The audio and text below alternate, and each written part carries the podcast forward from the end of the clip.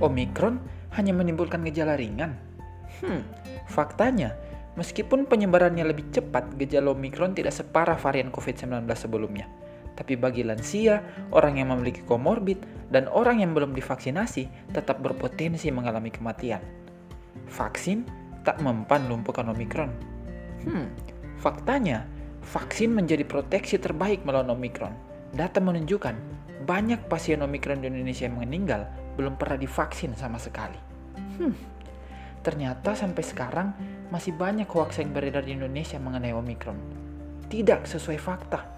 Jadi teman-teman, kita harus selalu berpikir kritis terhadap sebuah informasi. Jangan sampai termakan hoax ya.